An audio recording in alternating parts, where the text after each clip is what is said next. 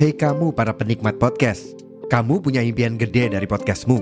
Tools di First Story bisa banget bantu kamu. Mulai dari F-Link, Dynamic Audio Insertion, sampai statistik yang komprehensif, semua ada di First Story. Gak ketinggalan, kamu bisa monetisasi podcastmu lewat iklan dari First Story Ads yang bisa kasih kamu penghasilan dari setiap place podcastmu. Yuk gabung sekarang dengan klik di firststory.me. Sekali lagi, di firststory.me. Mari kita bawa mimpi podcastingmu menjadi kenyataan. Selamat pagi, siang, sore atau malam. Selamat datang kembali di Poskubot Podcast Aku Bacot.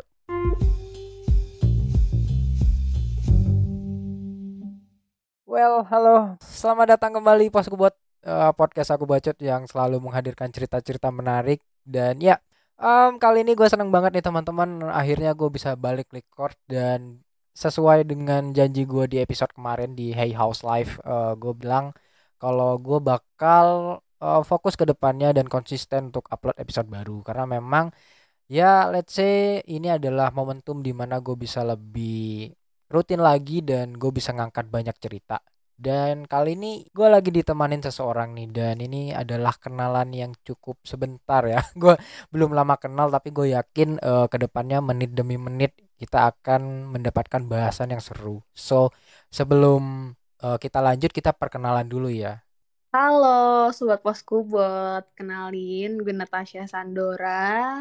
Kalian bisa panggil atau gue bisa dikenal dengan Dora.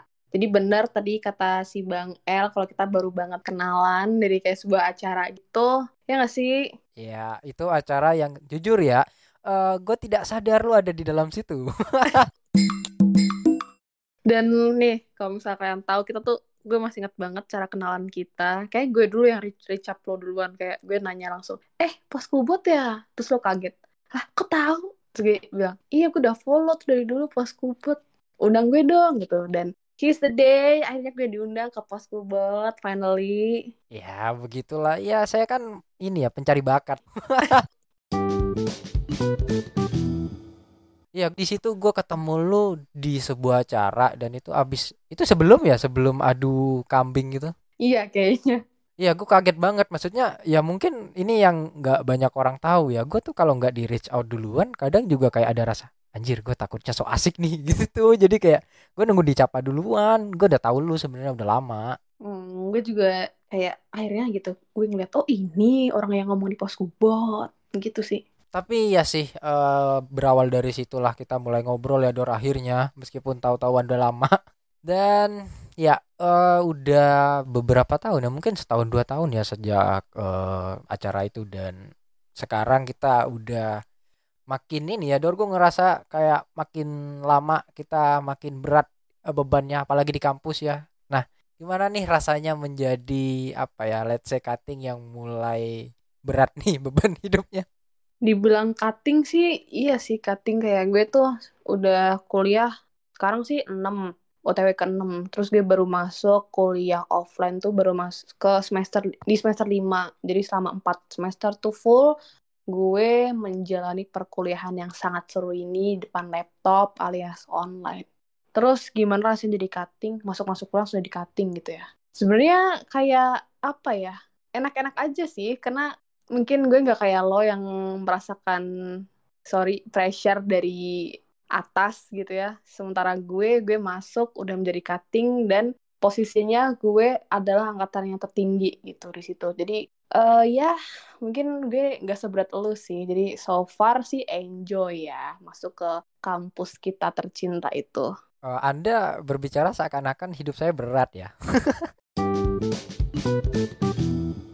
Em, kita pasti bakal ngalamin hal-hal yang ya pressure dan something like that. Dan gua rasa kalau apa ya hidup tuh balance sih. Jadi di mana kita ngalamin hal yang gak enak akan ada hal-hal menyenangkan yang menyertai. Nah di saat episode ini rilis nanti ini akan bertepatan dengan momen Valentine di mana eh, Valentine identik dengan kasih sayang, Romeo and Juliet, terus juga eh, hal-hal yang berbau kasih sayang nih, kayak ya tau lah gimana orang-orang pas Valentine kadang ngasih ucapan yang nyenangin banget atau mungkin hadiah yang kadang kita nggak pernah duga gitu dan gue ngerasa kayak euforia Valentine ini bakal selalu dinanti sih. Kayak tiap tahun pasti rame tuh.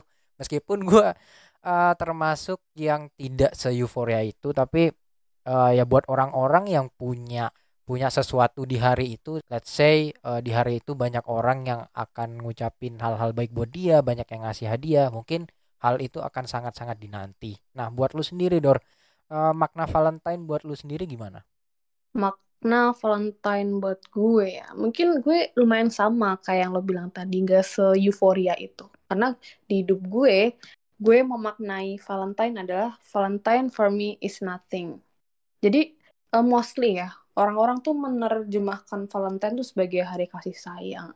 Tapi yang tertancap di otak gue, kasih sayang tuh unlimited dan dia tidak mengenal waktu dan tempat. Jadi itu sih gue nggak se euforia itu dan Valentine mean nothing buat gue. Kalau sendiri gimana sih? Uh, gue tuh termasuk orang yang gimana ya? Uh, menurut gue ada dua tipe orang gitu. Ada yang memang dia di Valentine punya sesuatu dan dia yang nggak punya sesuatu. Let's say untuk orang yang punya sesuatu di hari Valentine pasti akan ada orang-orang yang ngasih support kayak ucapan atau mungkin hadiah dan itu adalah apa ya menurut gue gift gitu buat dia. Itu adalah hal yang memang dia punya gitu. Karena hari Valentine di mana hari yang memang identik dengan kasih sayang dia bisa mendapatkan sesuatu gitu loh meskipun memang dia nggak minta ataupun tidak merayakan. Nah, untuk orang-orang yang tidak punya itu, kayak misal gue dan lu lah, jadi ya kita nggak terlalu euforia dengan hal itu karena kita terbiasa apa ya kayak biasa aja gitu dengan Valentine dan tidak memaknai Valentine yang sama seperti orang yang bisa dapat itu. Jadi kayak ya namanya Valentine menurut gue ya buat seru-seruan aja sih, bukan yang kayak hari yang harus gue nanti, terus hari yang di mana gue harus ngasih kasih sayang, ngasih sesuatu ke orang enggak sih. Jadi kayak ya means nothing bener. Karena ya namanya cinta itu enggak sebatas ucapan dan hadiah ya. Cinta itu uh, menurut gue itu adalah hal yang nggak bisa kita ukur gitu. Cinta itu tidak berbentuk hadiah dan ucapan doang tapi ya namanya dapat kasih sayang pasti pernah lah meskipun kita tidak merayakan. Nah kalau lu sendiri pernah nggak sih dapat kayak hadiah atau something dari orang yang menurut lu spesial nih? Hadiah di Valentine ya.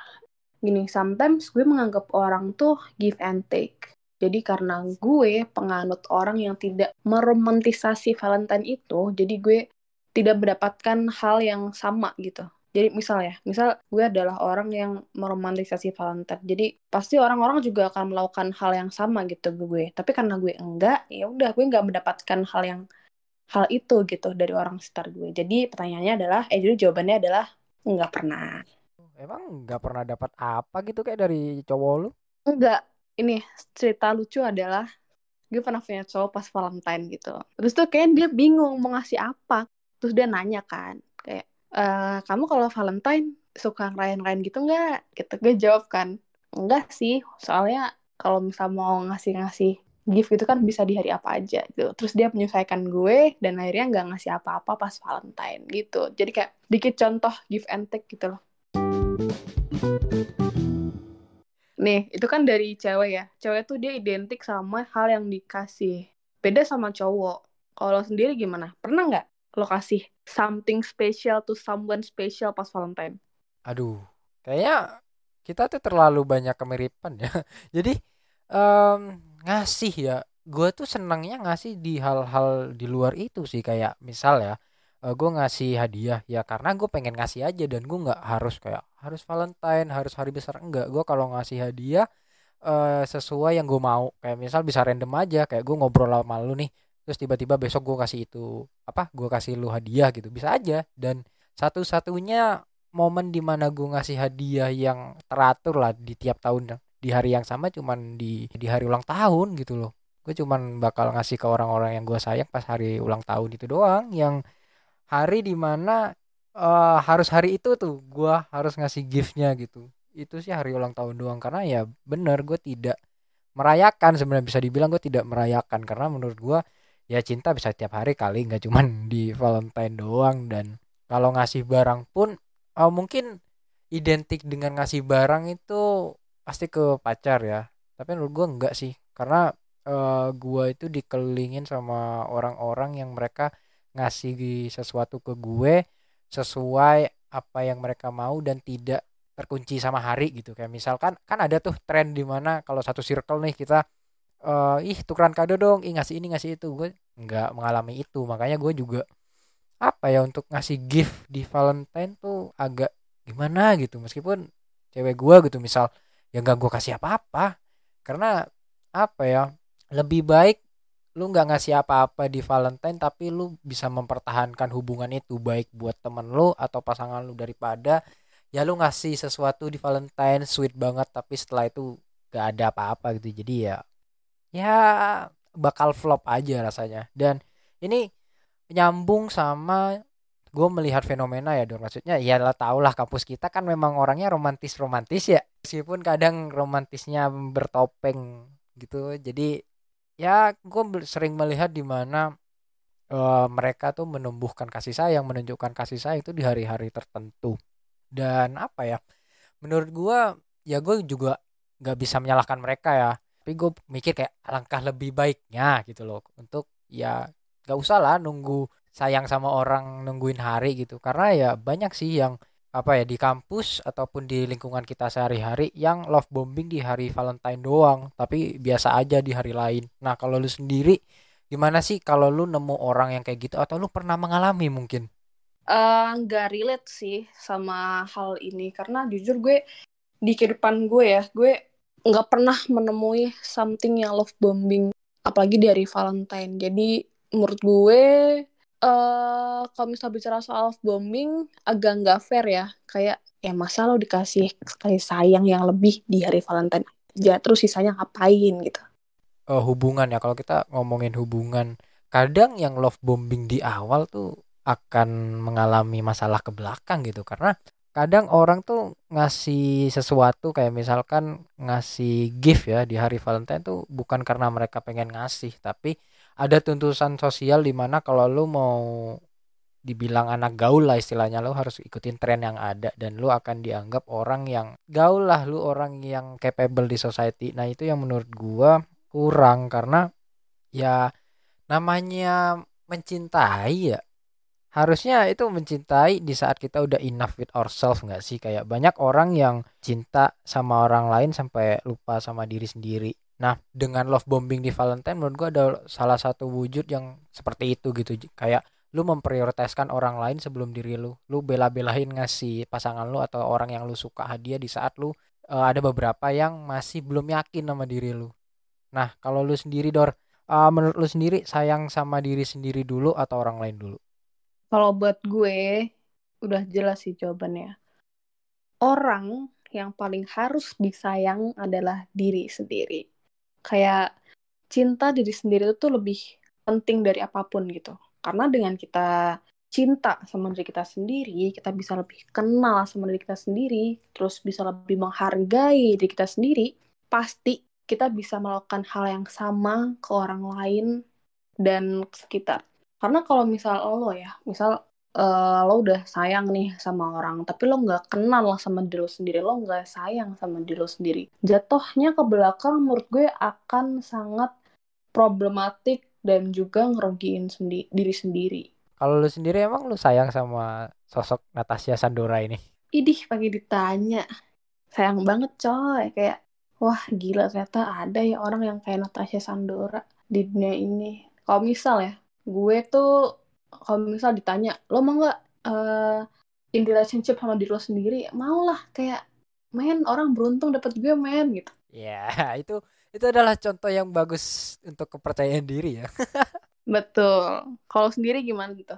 Ya mungkin lu bakal dengar sih kalau lu udah deket sama teman-teman gue gue tuh terkenal sama orang yang kadang over pede sama diri sendiri. Jadi kayak iya, iya. serius. Iya. gue tuh banyak orang yang sebel gara-gara gue tuh kan uh, kemarin sih di kantor ya uh, ke orang-orang kantor gue tuh sometimes suka kayak ngaca terus bilang anjir ganteng banget gitu sampai sampai orang-orang tuh malas dengernya kayak iya iya lu ganteng. Karena apa ya ada satu momen di mana kita tuh kayak kita ngelihat diri kita sendiri kayak anjir keren banget nih orang gitu. Ada gak sih momen-momen kayak gitu? Kayak, pasti ada. Iya dan gua tuh orang yang sangat apa ya dibilang narsistik dikit lah ya nggak yang over over banget. Jadi kayak sebenarnya itu juga adalah terapi dor.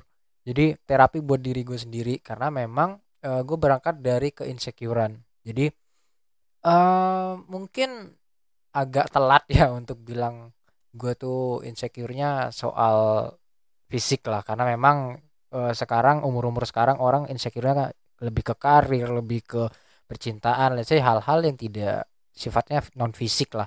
Tapi gue adalah tipe orang yang mungkin ya sampai bulan-bulan kemarin yang masih insecure soal fisik. Kayak let's say uh, untuk ukuran cowok saya tuh terbilang mini ya. Dengan 160 cm untuk ukuran cowok itu pendek. Dan gue itu kadang suka adalah uh, momen di mana gue kayak anjir gue tuh kurang nih. Nah dengan cara gue bilang gue ganteng nih gue pede dengan itu adalah terapi. Jadi uh, gue berusaha meyakinkan diri gue biar kayak lu nggak seburuk itu. Meskipun lu memang kurang di sini lu punya hal lain yang bagus dari diri lu. Nah itu tuh yang bikin gue aware sama self love berangkat dari situ. Nah mungkin orang tuh punya ini ya punya cara sendiri buat aware uh, dengan self love dan cara gue adalah dengan ya gue kayak gitu bilang sama diri gue sendiri kayak lu ganteng lu keren. Nah uh, kalau lu sendiri dor gimana sih cara lu buat aware sama self love gitu? Kan lu kayaknya pede banget nih sama sosok Natasha Sandora ini. Oke okay, kalau gue gue kalau kali ini kan dari tadi kita sejalan terus nih sama-sama sama tapi kalau ini mungkin kita agak beda. Kalau tadi bilang lo uh, sempat gitu loh insecure gara-gara fisik gitu. Kalau gue uh, bersyukurnya gue udah deal with fisik gue yang sebenarnya iya sih kayak ada beberapa part yang gue nggak memenuhi standar kecantikan Indonesia tapi gue udah deal sama itu dan hal yang membuat gue deal sama fisik gue adalah dengan cara gue melihat orang tuh juga nggak sebatas tentang fisik gitu. Kayak ya misal gue bakal menganggap ganteng orang itu berdasarkan otaknya. Misal nih, lo tinggi, lo putih, lo cakep, misal gue bicara cowok ya, tapi lo blow on, gue nggak akan demen anjing sama lo. Eh sorry, pemirsa, gue gue kasar sorry ya. gitu, jadi kayak sekarang pun cara melihat gue adalah nggak melulu soal fisik ya. Kayak gue lebih melihat kualitas otak daripada gue melihat fisik lo tuh sekeren apa sih gitu. Jadi otomatis kalau misal gue nih ngelihat cowok pintar, gue langsung kayak wah anjir nih cowok pintar banget tuh demen gitu.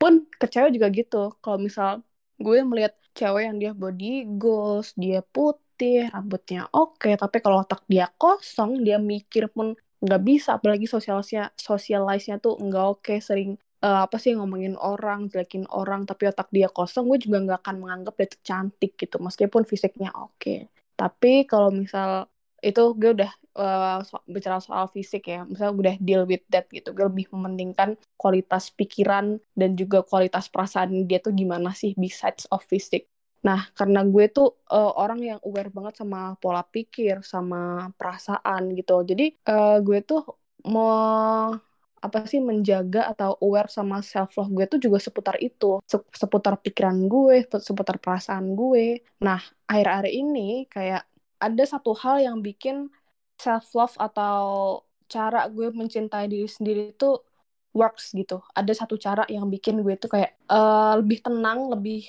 deal with all masalah gue yang bikin gue tuh jadi benci sama diri sendiri gue yaitu gue berusaha menyeimbangkan mood gue. Gue berusaha menyeimbangkan pikiran sama perasaan gue. Kayak uh, bicara soal mood ya kayak gue tuh sering males-malesan. Nggak sering sih maksudnya ada part di mana gue sering males dan kalau misal gue males tuh gue bikin kesel gitu sama diri gue sendiri. Kenapa sih lo tuh males gitu? Padahal kan banyak hal yang harus lo selesain ini itu ini. Tapi kenapa lo males? Jadi itu hal yang bikin gue benci sama diri sendiri gitu loh. Kenapa lo tuh nggak rajin? Kenapa lo menuruti perasaan lo buat males? Buat gamut buat marah-marah ke ini itu ini itu. Nah itu kan hal yang bikin gue benci banget kan. Nah, cara gue menyeimbangkan itu semua, bikin gue sayang sayang lagi sama diri gue sendiri, kayak bikin gue apa sih sebenarnya kayak get up dari kebencian diri gue yang pemalas itu adalah dengan lebih mengelola pikiran gue gitu. Jadi jadi misalnya nih perasaan gue lagi gundah, lagi males, lagi nggak mood.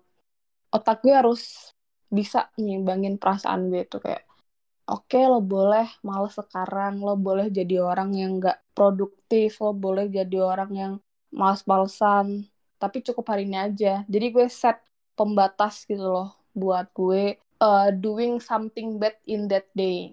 Tapi besokannya harus bisa get up lagi. Gitu sih. Ya. jelas apa enggak? Bodoh deh. Nggak jelas dong. Karena uh, guest yang hadir di posku buat pasti punya sesuatu yang bisa dipetik. Betul. Ya benar banget sih Dor. Uh, untuk uh, ini ya tolak ukur seseorang tuh memang gue sangat setuju dengan apa yang lo punya tuh dari yang hal yang non fisik. Karena memang uh, kayak percuma lu ganteng lu keren tapi lu isinya kosong gitu. Bener.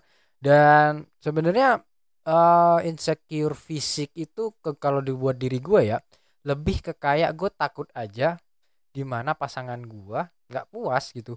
Karena uh, gini gue berpikir kayak semikir-mikirnya lu soal isinya daripada casingnya which mean fisik pasti ada satu momen di mana uh, fisik itu dilihat lah nah uh, keinsecurean gue bukan karena gue tidak pede di society enggak. Lebih ke kayak gue takut aja ntar uh, gue tidak bisa memenuhi kebutuhan secara fisik di pasangan gue itu doang. Tapi kalau gue dengan menilai seseorang bener kayak udah basi gak sih kalau lu mau temenan atau lu mau pacaran sama yang cakep-cakep doang gitu kan udah it's all things itu itu bukan pemikiran yang bisa lu lestarikan sampai umur segini. Karena menurut gue value orang adalah di mana dia bisa uh, bersikap di society gimana dia bisa ngebawa dirinya.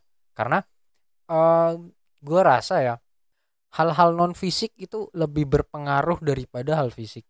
Let's say sifat lu punya sifat baik lu punya pemikiran luas lu asik diajak ngobrol itu adalah poin plus yang gue rasa kayak zaman sekarang tuh bisa jadi standar yang tinggi gitu. Karena gak semua orang bisa ngontrol diri mereka gak semua orang bisa jadi teman yang baik let's say. Gak semua orang bisa berlaku apa ya berlaku baik lah di society. Dan itu adalah uh, plus point. Jadi bener yang lu bilang kayak ya lebih baik daripada menilai dari fisik ya bener nilai dari otaknya doang. Karena ya kita pernah berurusan lah sama orang yang mereka di luar cangkangnya bagus nih.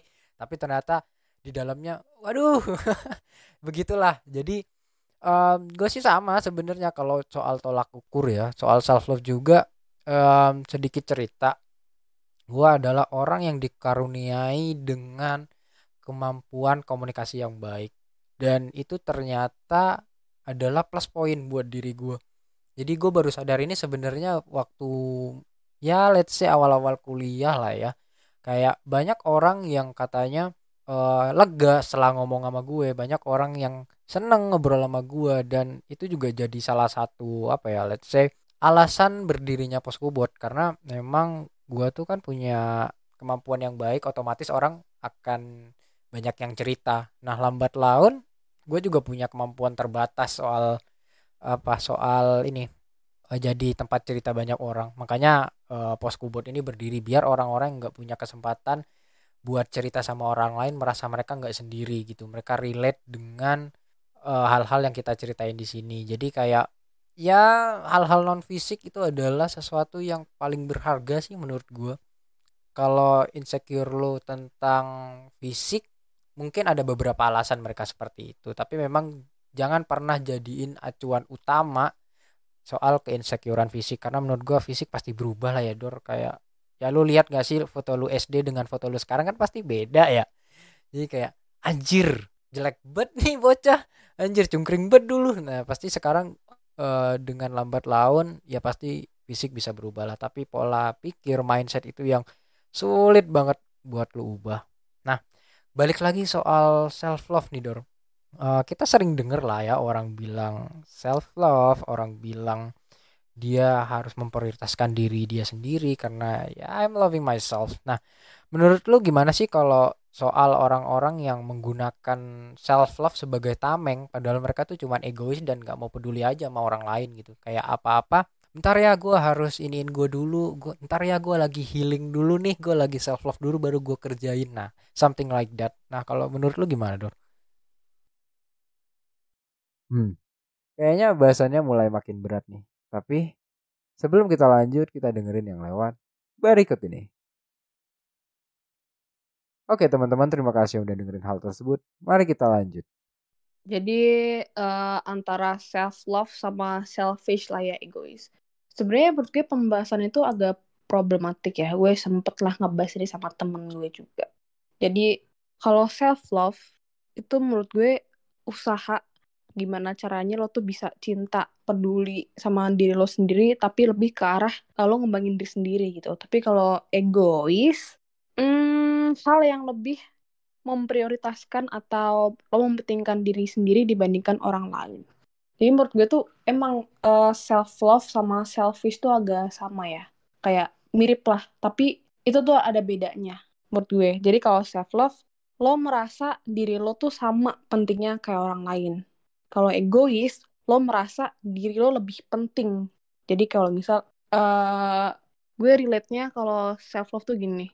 Lo sedih aku juga bisa aku juga boleh sedih kok. Lo marah gue juga boleh marah kok. Lo bahagia gue juga boleh bahagia dan seterusnya. Tapi kalau misal egois uh, lebih ke ah yang penting gue bahagia gue seneng yang lain bodoh amat bukan urusan gue gitu. Jadi kak kalau misal menurut gue nih self love tuh ada batasannya kalau gue lebih relate self love yang ada kaitannya gitu loh sama orang lain yang sampai udah ngerugiin gitu.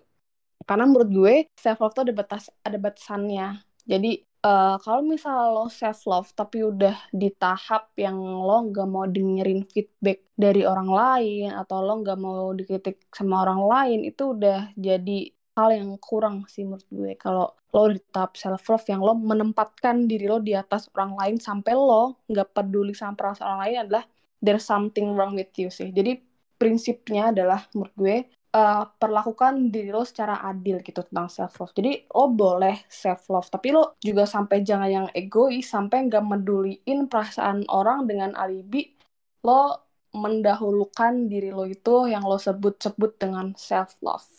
Menurut gue sih gitu ya. Kalau dihubung-hubungin sama tameng egois, tameng egois. Iya, bener. Dan kayaknya makin banyak kita berteman pasti nemuin gak sih Dor orang-orang yang self love self love tapi lu dengernya kayak pengen nimpuk gitu. Bener banget. Nah cara lu sendiri buat apa ya? Kan kita juga punya batas ya maksudnya nggak cuma batas self love tapi batas emosi gitu. Gimana uh, cara lu ngekontrol diri lu gitu di saat lu harus berhadapan dengan orang-orang yang kayak gitu gitu?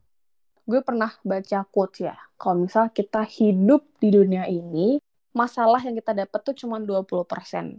Sisanya 80% gimana caranya kita ngerespon terhadap masalah yang kita dapat. Otomatis kan kita hidup ini banyak kan nemuin masalah-masalah yang tentunya datang dari orang lain. Dan uh, yang jadi masalah itu bukan gimana caranya mereka bikin masalah, tapi gimana cara kita ngerespon orang yang bikin masalah itu. Jadi kayak pinter-pinter kita lah buat ngerespon orang yang kayak lo omongin tadi. Nah, kalau gue gimana caranya ngerespon orang yang dia over self love gitu lah ya bahasannya. Ya udah, iyain aja, kayak lo nggak perlu memikirkan terlalu dalam apa yang dia omongin, terlalu masukin hati, kayak udah cukup dengerin, iyain aja, fine, selesai gitu. Jadi gue nggak pernah yang terlalu mikir Batak gitu ya. Kalau misal orang Jawa bilangnya Batak gitu nggak pernah.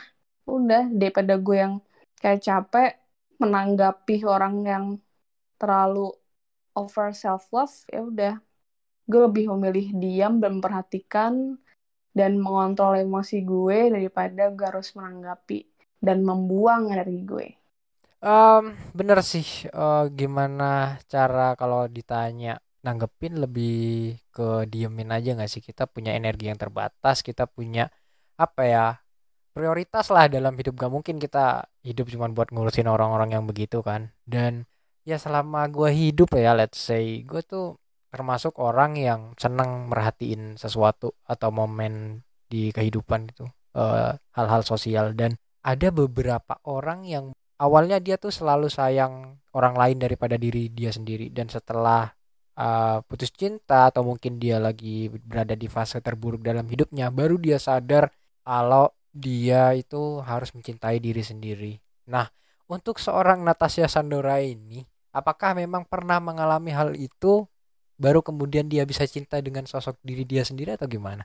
Kalau buat Natasha Sandora, kemungkinan gue tipe orang yang self love pas udah ada momentumnya.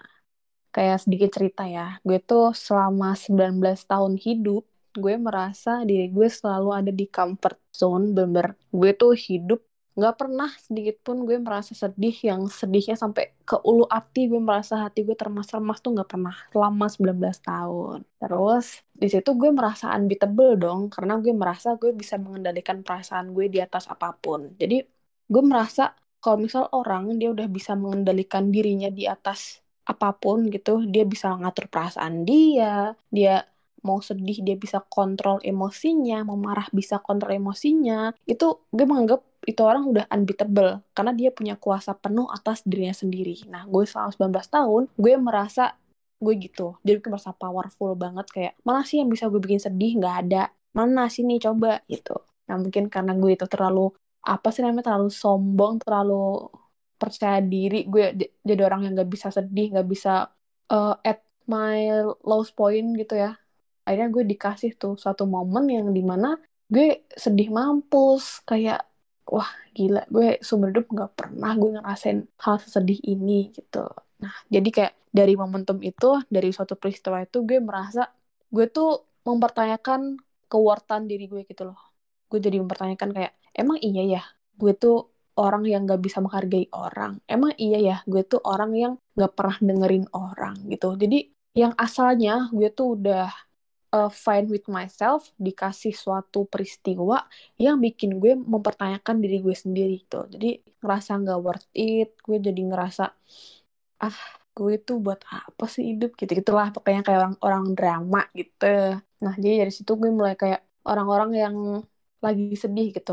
Misal nggak pakai skincare pas malam, misalnya nggak ngerawat diri, nggak merhatiin makan, overthinking saya pagi, terus gara-gara overthinking saya pagi nangis seharian jadi nggak makan gitu. Terus gue juga waktu itu pertama kali gue ngerasain sakit perut yang gue belum pernah ngerasain sakit itu di diri gue gitu. Jadi karena gue nggak makan nih seharian gitu gue jadi sakit perut. Anjir gue nggak pernah sakit perut ini sebelumnya gitu. Terus kayak sampai omongan orang pun kayak udah nggak masuk tau di kuping gue. Jadi ya udah gue di situ diem gue nggak ngapa-ngapain. Padahal harus banyak banget hal yang harus gue lakuin. Orang kasih uh, advice ke gue pun sama sekali nggak mempan. Orang berusaha nemenin gue pun gue tetap merasa lonely gitu. Tapi ada satu satu orang yang bilang kayak nggak apa-apa coba nikmatin dulu lowest point lo rasain kesedihan lo. Nggak perlu lo paksa lo harus ini ini ini ini nggak perlu. Coba lo nikmatin dulu lo belum pernah kan rasa sedih kayak gini ya apa fine rasain dulu sampai lo bener-bener ngerasa dan dapet poin dari kesedihan lo itu nah kan gue turutin tuh gue merenung, gue rasain banget, oh gini rasanya sedih, oh gini rasanya at my lowest point, oh gini rasanya gue mempertanyakan diri gue sendiri. Itu pada akhirnya benar kata itu orang, kayak akhirnya gue menikmati masa sedih gue, dan saya pada akhirnya orang pun eh, nggak uh, bisa gitu nolong diri gue. Dan akhirnya gue sadar kayak, oh iya sih bener, kayak orang lain nggak ada yang bisa nolong gue, mau gimana pun orang ngomong good words ke gue pun nggak bisa gitu. Kayak pada akhirnya gue sadar oh benar. Yang bisa nanemin hal yang bagus di otak gue tuh diri gue sendiri. Yang bisa nolong diri gue tuh diri gue sendiri. Nah dari situ tuh gue mulai kayak get up get up get up. Dan gue self love kayak gue mulai coba mengembalikan keworthitan diri gue gue kasih makan gue diri gue validasi kayak dengan cara ikut lomba, gue ikut kepanitiaan, demi gue dapat validasi dari orang-orang yang menurut gue tuh sangat kebantu self love gue gitu. Jadi dengan cara gue ikut uh, kegiatan ini, ono ini, ono gue dapat uh, appreciate dari orang, itu bener-bener lumayan membantu diri gue banget sih buat uh, berangkat menuju ke self self gue gitu. Jadi kalau diri gue self love itu yang bisa membawa diri gue sampai sekarang yang bisa dikatakan gue udah cukup fine ya sama hal yang bikin gue sedih. Kayak gue lumayan udah bisa menangkasnya udah bisa apa sih istilahnya tahu treat-treatnya gimana lebih bisa mengontrol perasaan gue yang menurut gue itu adalah the best things di rangkaian self love gue yaitu dengan cara bisa mengontrol perasaan gue jadi intinya adalah gue adalah orang yang self love perlu momentum gitu. Tapi apakah Adele ini adalah orang yang self love yang perlu pakai momentum? Anjing gokil bridgingannya masuk. ya, uh, kalau ditanya self love-nya butuh momentum, ya, gue butuh momentum. Karena uh, dulu gue itu kita cerita soal SD ya. Gue adalah orang yang seneng buat berteman, seneng buat ngebagian orang lain lah. Terus uh, ya lambat laun gue tidak pernah memuji diri gue jadi gue selalu melihat orang lain dan singkat cerita gue naik ke SMP dan gue kan rumah gue sebenarnya tidak di kota ya dor uh, gue SMP di kota otomatis uh, gue itu di society dianggap dalam tanda kutip berbeda. Nah selama gue SMP gue adalah kalangan orang yang terbuli. Dan terbulinya mungkin kalau cuman dikatain anak kampung lah anak desa it's okay. Tapi gue di tahap di mana gue itu di pukulin gue disuruh ya jadi babu lah eh beliin gue ini beliin gue itu. Dan di situ ya namanya gue tuh orangnya masih minder ya. Maksudnya gue tuh orang desa mereka orang kota gue merasa kayak derajat kita beda nih. Dan selama tiga tahun gue ngalamin itu sampai di momen di mana uh, orang denger nama gue itu pasti ketawa. Saking mereka membayangkan sosok Adriel yang begitu. Ntar gue kasih deh foto gue pas SMP karena kalau lu melihatnya kayak ya gue aja sekarang ya kalau gue ngelihatnya kayak anjing lemah banget nih anak nih enak nih buat di ini ini nah sampai ya itu denger nama kan gue dulu nggak dipanggil L ya Adril namanya. Sampai orang tuh Adril gitu dia tuh udah ketawa anjir saking tololnya gue saking bullyable-nya gue. Dan di tengah pelajaran pun tau lah orang-orang yang suka nyeletuk. Kalau misalkan uh, guru atau seseorang nyeritain hal-hal buruk gitu wah Adril tuh satu kelas tertawa. Dan itu gue alamin selama tiga tahun. Sampai lulus. Dan itu bikin gue minder banget. Serius gue tuh sampai gak mau difoto jadi kan biasanya orang lebaran momen atau mungkin jadi jalan-jalan keluarga gue adalah orang yang akan marah banget kalau gue difoto. Karena kalau gue difoto orang pasti upload sosmed. Dan kalau orang lihat muka gue gue takut orang itu komen soal gue. Sampai di mana gue malu banget sama diri gue. Sampai gue nggak mau difoto. Dan ya harusnya mah orang normal ya di foto mereka gue enggak gitu. Itu foto adalah sebuah apa ya beban buat gue sampai kan kalau SMP kita ada karya wisata. Gue nggak pernah ikut itu. Karya wisata gue pernah ikut eskul nggak pernah ikut. Beneran yang gue masuk ke gerbang sekolah itu yang gue pengen cuman satu pulang. Buat nyelamatin diri gue karena itu anjir gue jalan aja orang ketawa cuy. Saking dibulinya gue gitu loh. Gue disuruh beli ini kayak babu lah kayak babu sekolah. Nah di situ gue benci banget sama diri gue dan gue malu. Sampai ya itu gue takut ketemu orang apalagi ketemu teman-teman gue SMP gue takut banget. Jadi kalau misalkan diajak jalan-jalan gitu mungkin atau hal-hal yang berbau kegiatan outdoor gue nggak mau. Nah singkat cerita gue lulus dari SMP ke SMA yang sebenarnya kalau dari SMP gue ya SMP kota gue ke SMA yang gue tuju ini kayak pindah kelas jadi orangnya itu itu terus. Nah di situ awal-awal SMA ya siklus itu akan terjadi lagi gitu. Dan di situ gue sempet apa ya mikir kayak wah anjing ini masa sekolah gue mungkin akan dihabiskan dengan gue jadi babu sekolah gitu. Gue akan jadi pribadi yang apa ya bisa dibilang gue sampah sekolah lah. Gue mikirnya waktu itu seperti itu. Cuman momen di mana gue bisa meyakinkan diri gue kalau gue worth it adalah di mana gue uh, berteman dan gabung sama klub motor.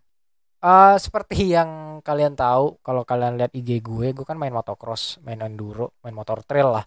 Nah, mereka lah golongan atau orang-orang yang bikin gue sadar kalau gue tuh ternyata worth it ya gitu. Kayak mereka yang nemenin gue, kayak secara lah logika, siapa sih yang mau temenan sama orang kayak gitu? Lu pasti punya di sekolah ataupun di kampus, let's say orang-orang dalam tanda kutip culun yang yang nggak menarik lah untuk ditemenin nah mereka tuh ngajarin gue kayak gue ya yang anak kutu buku gimana sih? Terus jadi anak bengkel gitu. Dan akhirnya gue uh, nyaman lah di sana. Dan orang-orang mulai notice gue dan mereka tuh seneng ternyata dengan gue yang seperti itu di situ gue mulai mikir kayak sebenarnya gue tuh punya sesuatu yang worth it. Tapi karena gue apa ya di lingkungan yang seperti itu yang sampai gue bikin malu lihat diri gue sendiri jadinya gue merasa ke gue nggak worth it. Nah mulai dari situ gue mulai berpikir kayak oh sebenarnya si Adriel yang si anak babu sekolah ini uh, punya sesuatu nih yang orang lain gak punya dan itu disukai oleh masyarakat.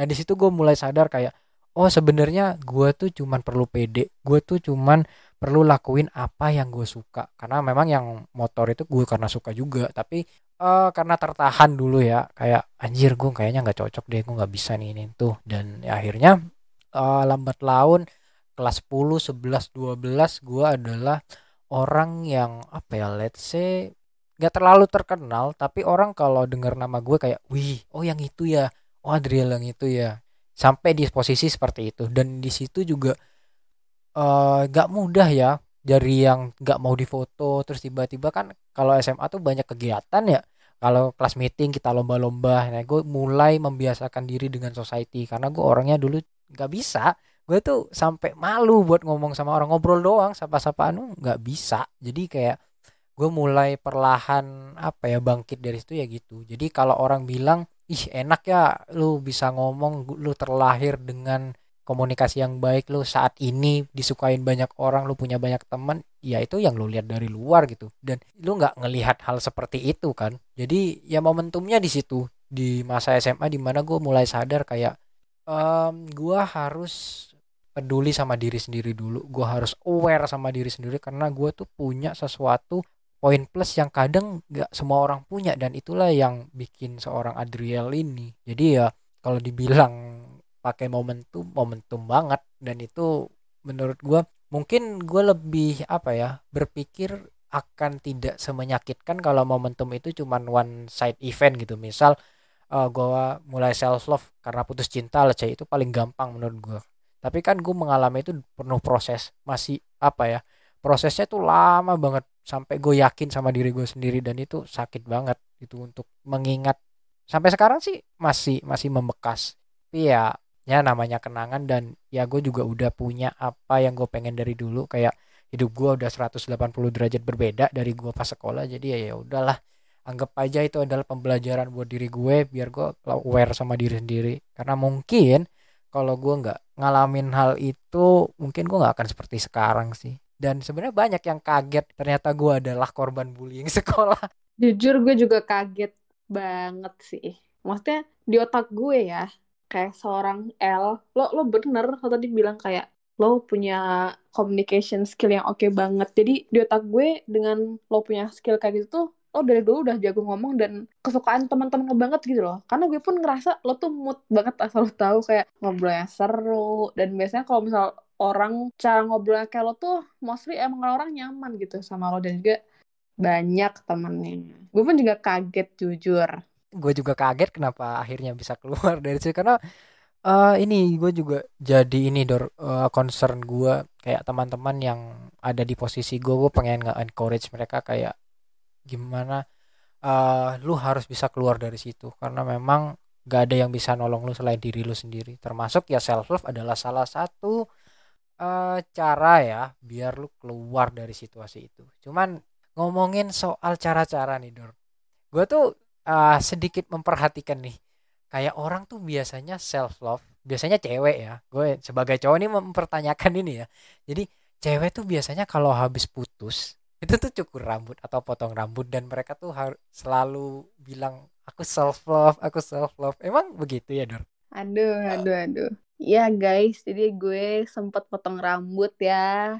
Dari yang rambut gue panjang oke okay, shining shimmering. Dan itu adalah momen di mana gue apa ya kayak seumur hidup gue nggak pernah potong pendek coy. Seatas bau pun gue nggak pernah. Kayak selalu potong rambut panjang gitu. Jadi ini adalah pertama kali gue potong rambut sependek ini. Kalau kalian tahu ya kalau kalian ngerti lah Instagram gue nah itu rambut gue segitu tuh. Dan kebetulan uh, momen potong rambut gue adalah bersamaan dengan momen tersedih gue itu. Jadi kayak apa sih istilahnya moment of truth-nya gue tuh get up-nya dengan cara gue mem memotong rambut gue dengan alasan kayak uh, I should try something different gitu.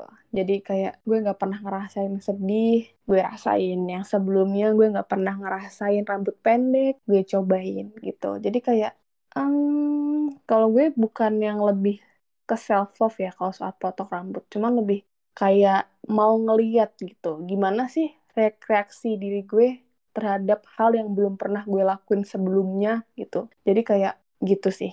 Tapi uh, setelah potong rambut emang apa dor? Lu ngerasa ya is it make you better or gimana? Kalau gue uh, nangkepnya adalah setelah gue potong rambut gue harus mencoba hal-hal yang belum pernah gue cobain sebelumnya. Kayak gue harus kasih diri gue kesempatan buat nyobain hal-hal baru yang misal lo uh, punya ketakutan terhadap suatu hal tapi sebenarnya hal itu belum pernah lo lakuin. Jadi gue lebih membuka kesempatan buat diri gue tuh mencoba banyak hal yang menurut gue tuh buruk. Kayak gue tuh sebenarnya menganggap rambut gue rambut pendek tuh jelek ya di gue.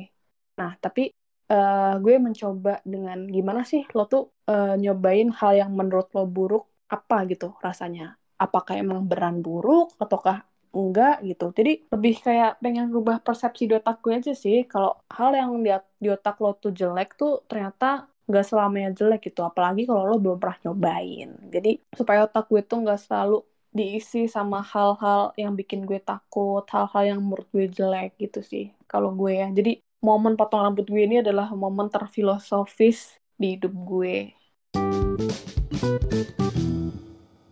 Uh, setelah kita ngobrol panjang lebar nih uh, dan di saat episode ini rilis akan rilis di hari Valentine dan gue pengen tahu nih dari seorang Dora atau Natasha Sandora apa yang pengen lu sampaikan ke orang-orang soal self love atau mungkin Valentine ke depannya. Oke, kalau gue sih gini ya guys orang lain tuh nggak akan peduli lo stres, lo depresi, lo sedih dan semacamnya. Makanya kalian benar-benar harus sayang sama diri kalian sendiri karena mereka benar-benar nggak akan mau tahu apa sih yang lagi lo lewatin, apa sih yang lagi lo alamin gitu. Jadi lo lo pada harus menguatkan diri kalian sendiri, bukan buat orang lain, bukan demi orang lain, tapi buat diri kalian sendiri. Gitu guys. Tuh, bener banget. Uh, inti dari kasih sayang adalah di saat lu enough with yourself so you share your love to others. Jadi di saat lu udah cukup dengan diri sendiri baru lu bisa mencintai orang lain. Dan itu adalah cara yang paling apa ya menurut gue paling nyaman untuk mencintai. Dan ya gue berharap ada yang bisa lu petik gitu dari setiap episode yang ada. Tapi ya Jangan lupa meskipun kalian udah dengerin ini, kalian kudu tetap stay tune di podcast ini karena ke depannya pasti banyak cerita-cerita yang menarik yang pastinya relate buat kita di early 20s. So tetap stay tune di podcast ini. Peace out.